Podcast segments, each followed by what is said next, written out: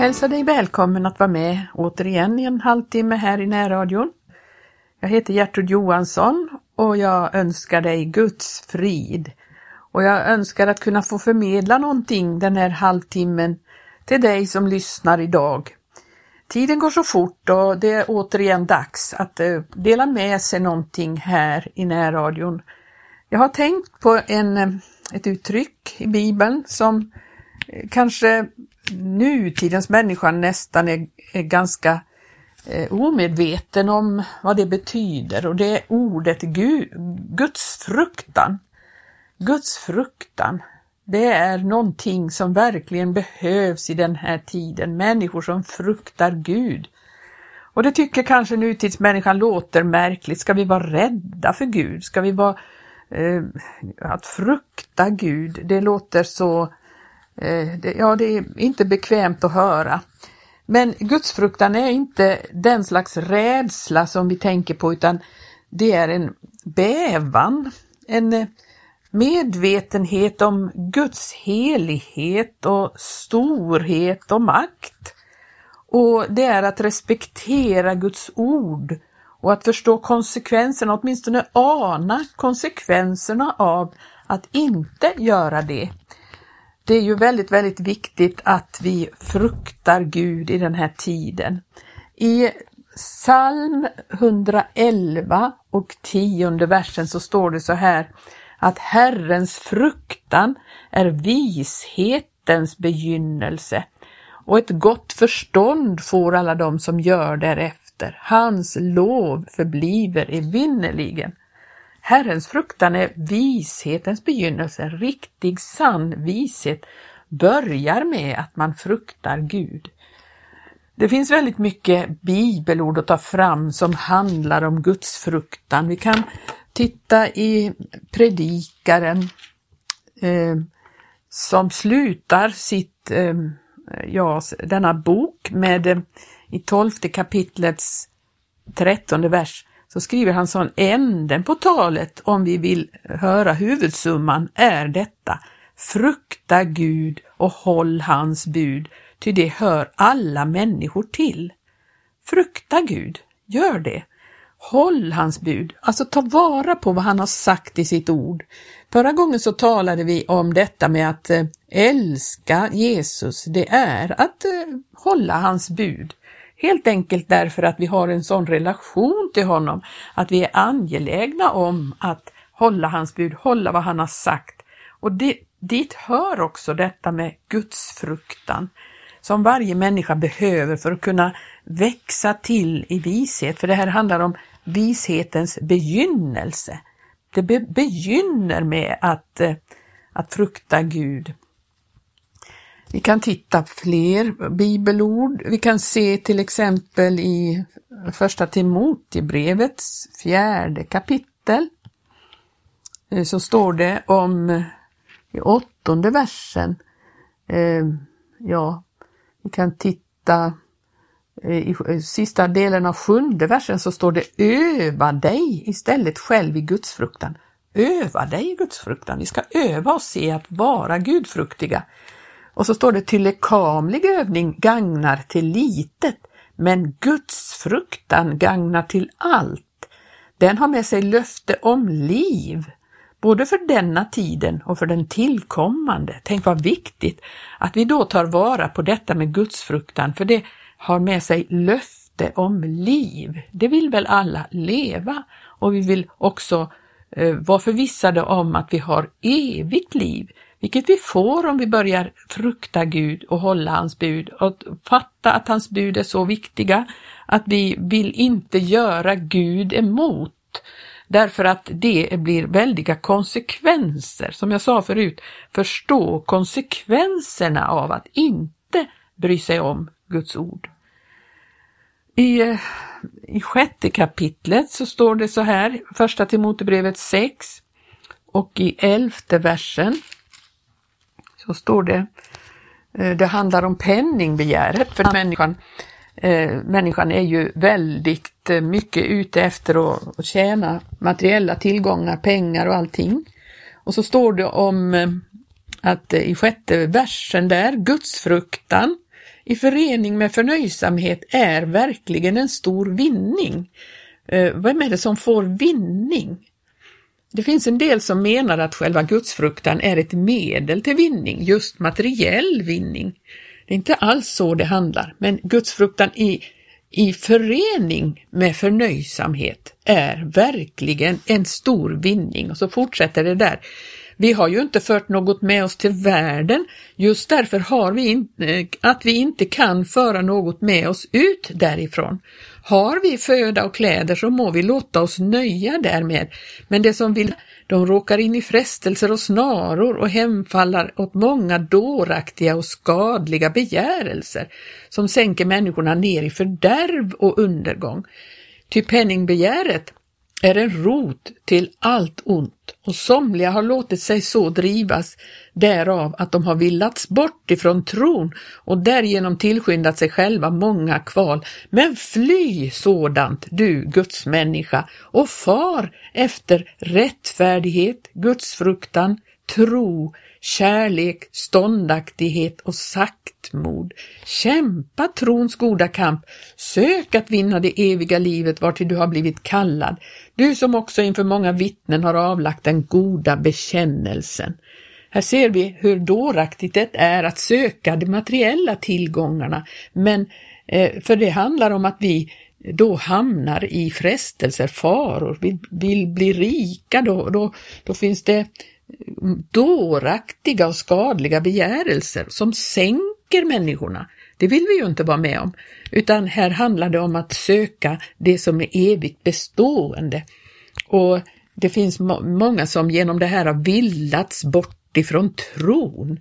Det vill vi inte. Tron är ju någonting av det viktigaste vi har. Fly sådant du Guds människa. Far efter rättfärdighet, Guds fruktan, tro, kärlek, ståndaktighet och saktmod. Här kommer en hel rad med, med begrepp som Bibeln har och däribland gudsfruktan. Eh, I Matteus 10 så står det så här, vi ska se om jag hittar det, Matteus 10 och eh, 28 versen, så säger eh, Jesus undervisar här om att lärjungen är inte för mer än sin mästare, står det i 24 versen. Och att eh, vi har, det må vara lärjungen nog, jag, jag läser därifrån 24 versen, det må om det går honom så som hans mästare och tjänaren om det går honom så som hans herre. Om de har kallat husbonden för Belsebul, hur mycket mer ska de inte så kalla hans husfolk? Och så står det i 26 versen, frukta alltså inte för dem.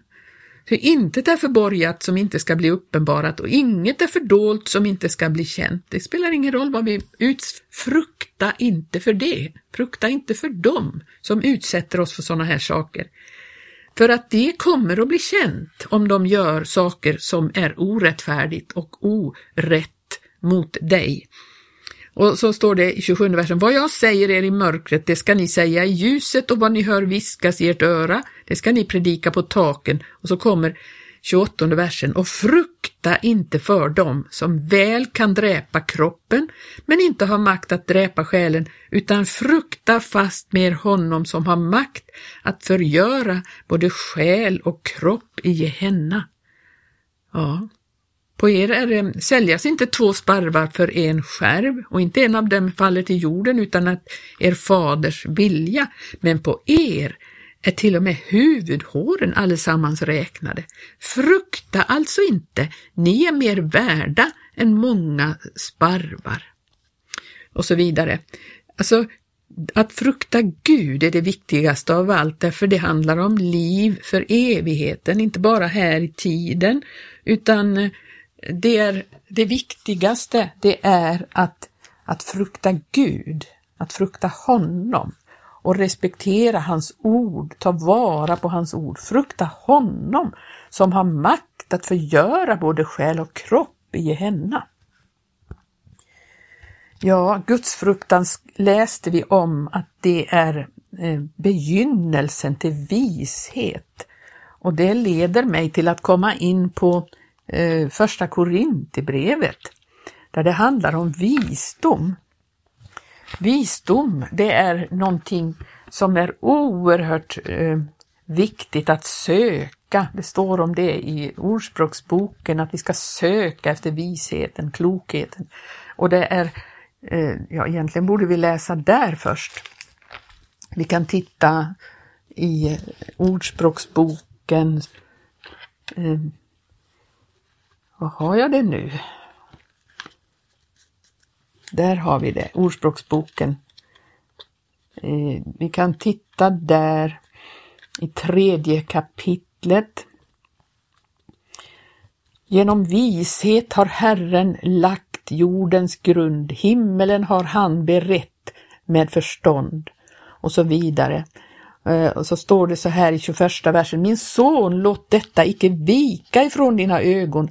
Tag klokhet och eftertänksamhet i akt, så ska de lända din själ till liv och bli ett smycke för din hals. Då ska du vandra din väg fram i trygghet och din fot ska du då inte stöta. Och så vidare och så vidare. Det finns väldigt mycket att läsa om vishet i, i eh, eh Ordspråksboken. Eh, vi kan titta i andra kapitlet först eh, innan vi läser i första Korinthierbrevet. Eh, I eh, sjunde åt de redliga förvarar han sällhet, han är en sköld för dem som vandrar i ostrafflighet, ty han beskyddar de rätta stigar och sina frommas väg bevarar han. Då ska du förstå rättfärdighet och rätt och redlighet, ja det godas alla vägar. Detta med att vara gudfru, det handlar om att då börjar man förstå. Och så står det i tionde versen, ty visheten ska draga in i ditt hjärta och kunskapen känns ljuvlig för din själ. Eftertänksamheten ska vaka över dig, klokheten ska beskydda dig. Så ska hon rädda dig från det ondas väg, från män som talar vad vrångt är och från dem som har övergivit det rätta stigar för att färdas på mörkrets vägar, från dem som glädjas att göra ont och fröjda sig åt ondskans vrånga väsen, från dem som går på krokiga stigar och vandrar på förvända vägar. Så ja, vi kan stanna där och så läser vi i första Korinthierbrevet där det handlar om detta med visheten. För det Gud har gett oss, det är någonting annat än världens vishet. Det är någonting mycket djupare, någonting mycket mer, mycket mer än mänsklig visdom. Första Korinthierbrevets första kapitel och artonde vers så står det så här. Ty talet om korset är visserligen en dårskap för de som går förlorade, men för oss som blir frälsta är det en Guds kraft. Det är ju skrivet, jag ska göra de visas vishet om intet och de förståndigas förstånd ska jag slå ner. Ja, var är de visa? Var är de skriftlärda? Var är denna tidsålderns klyftiga män? Har icke Gud gjort denna världens visdom till dårskap? Jo, eftersom världen inte genom sin visdom lärde känna Gud i hans visdom, så behagade det Gud att genom den dårskap han lät predikas frälsa dem som tror. Ty judarna begär tecken och grekerna åstundar visdom. Vi åter predikar en korsfäst Kristus, en som för judarna är en stötesten och för hedningarna en dårskap, men som för de kallade, vare sig judar eller greker, är en Kristus som är Guds kraft och Guds visdom. Ty Guds dårskap är visare än människor och Guds svaghet är starkare än människor. Ty betänk mina bröder hur det var vid er kallelse, inte många som var visa efter köttet blev kallade, inte många mäktiga, inte många av förnämlig släkt, men det som för världen var dåraktigt, det utvalde Gud för att han skulle låta dem visa komma på skam. Och det som i världen var svagt, det utvalde Gud för att han skulle låta det starka komma på skam.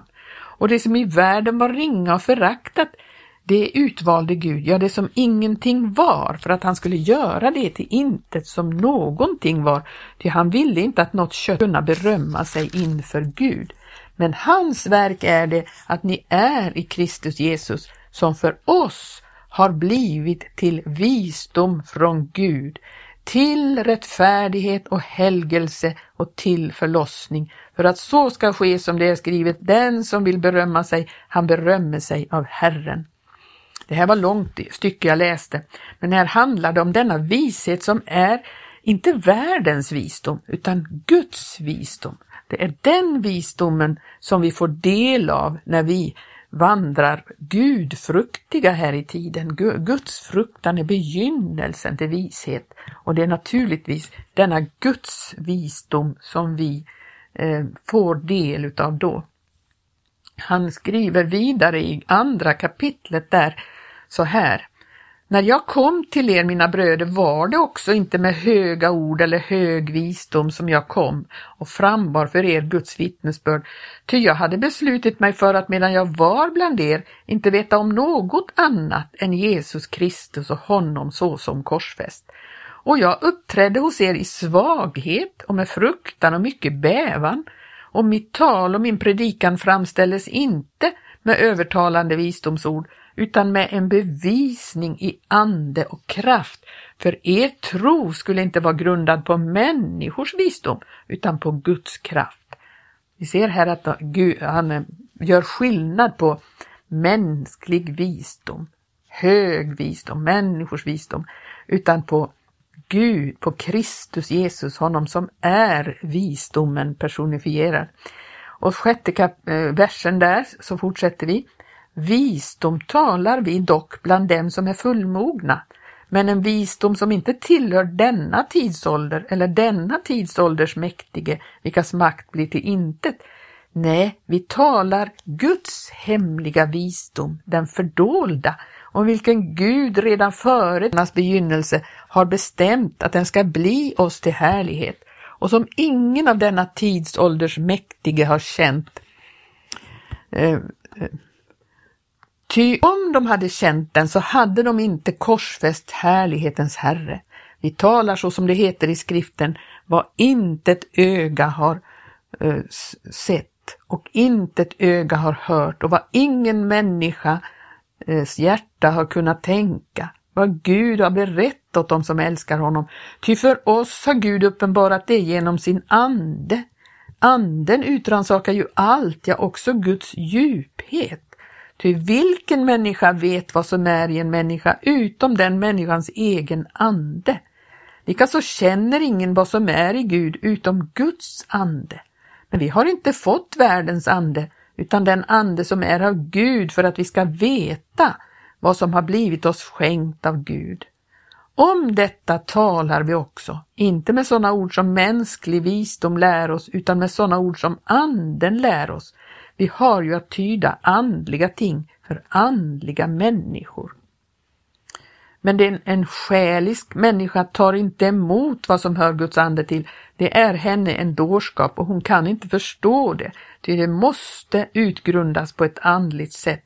Den andliga människan åter kan utgrunda allt, men själv kan hon inte utgrundas av någon, ty vem har lärt känna Herrens sinne så att han skulle kunna undervisa honom? Men vi har Kristi sinne. Det här förstår ni som lyssnar, det här är hemligheter som den får del av, den som vandrar i Guds fruktan här i tiden.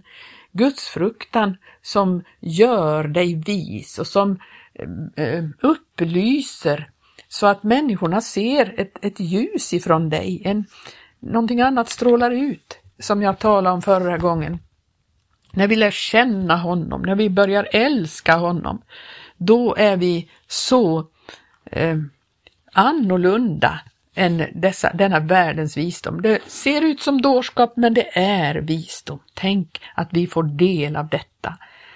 Eh, I Judas brev så står det också om det här med de som är själiska. De, eh, Judas brevs 19 vers. Eh, det är dessa människor som vållar söndringar, dessa som är själiska och inte har Kristi ande, inte har ande. Men ni mina älskade, uppbygg er på er allra heligaste tro. Bebed i den heliga ande och bevara er så i Guds kärlek under det att ni väntar på vår Herres Jesu Kristi barmhärtighet till evig tid. Mot somliga av dem, sådana som är tvivlande, må ni vara barmhärtiga och frälsa dem genom att rycka dem ur elden och så vidare. Så att eh, det, det gäller att få tag i denna visdom, denna Guds visdom som kommer till oss genom helt enkelt att hans ande eh, mer och mer uppfyller våra hjärtan och sinnen. Och det är vad som sker när vi när vi eh, vandrar gudfruktigt och bryr oss om vad Gud har sagt i sitt ord. Tänk att det har funnits människor under alla tider som eh, har fruktat Guds ord och det finns andra som har gjort misstaget att eh, inte bry sig om Guds ord. Eh, alldeles i början av andra Moseboken så står det om de kvinnor som blev befallda att, att eh, döda alla gossebarn. Men eh, det står att de här fruktade Gud. Mm. Ja, det står så här eh, i Andra Mosebokens första kapitel och sextonde vers. När ni förlöser de hebreiska kvinnorna så se efter då de föder om det är ett gossebarn, så döda det. Är det ett flickebarn så må det leva. Men så står det, men hjälp, kvinnorna fruktade Gud och gjorde inte som konungen i Egypten hade sagt till dem, utan lät barnen leva. Tänk att de fruktade Gud mer än vad de fruktade faraos vrede. Det, var, det är just det som är så viktigt, att vi fruktar Gud mer än allt mänskligt som kan stå oss emot och som kan eh, snärja oss till att eh, inte bry oss om Guds ord utan gå en annan väg. Nej, det är så viktigt. Vi ska avsluta med att läsa i psalm 145, 17 versen, så står det så här. Herren är rättfärdig i alla sina vägar och nådig i alla sina verk. Herren är nära alla dem som åkallar honom, alla dem som åkallar honom uppriktigt. Han gör vad de gudfruktiga begära och hör deras rop och frälsar dem. Herren bevarar alla dem som älskar honom, men alla ogudaktiga skall han förgöra. Tänk en eh, liten stund så här, man hinner inte säga så mycket, men sök att vara eh, fått del i det här. Var gudfruktig, frukta Gud och, och, så kommer du att förstå att visheten växer till i ditt liv och du får del av denna underbara eh, visdom ifrån Gud som är någonting utöver allt annat. Detta som har löfte om liv med sig. Må Gud välsigna dig som har lyssnat den här dagen och hoppas att detta kan inspirera dig till att fortsätta studera detta ämne, Guds fruktan i Guds ord. Må Gud välsigna dig så hörs vi igen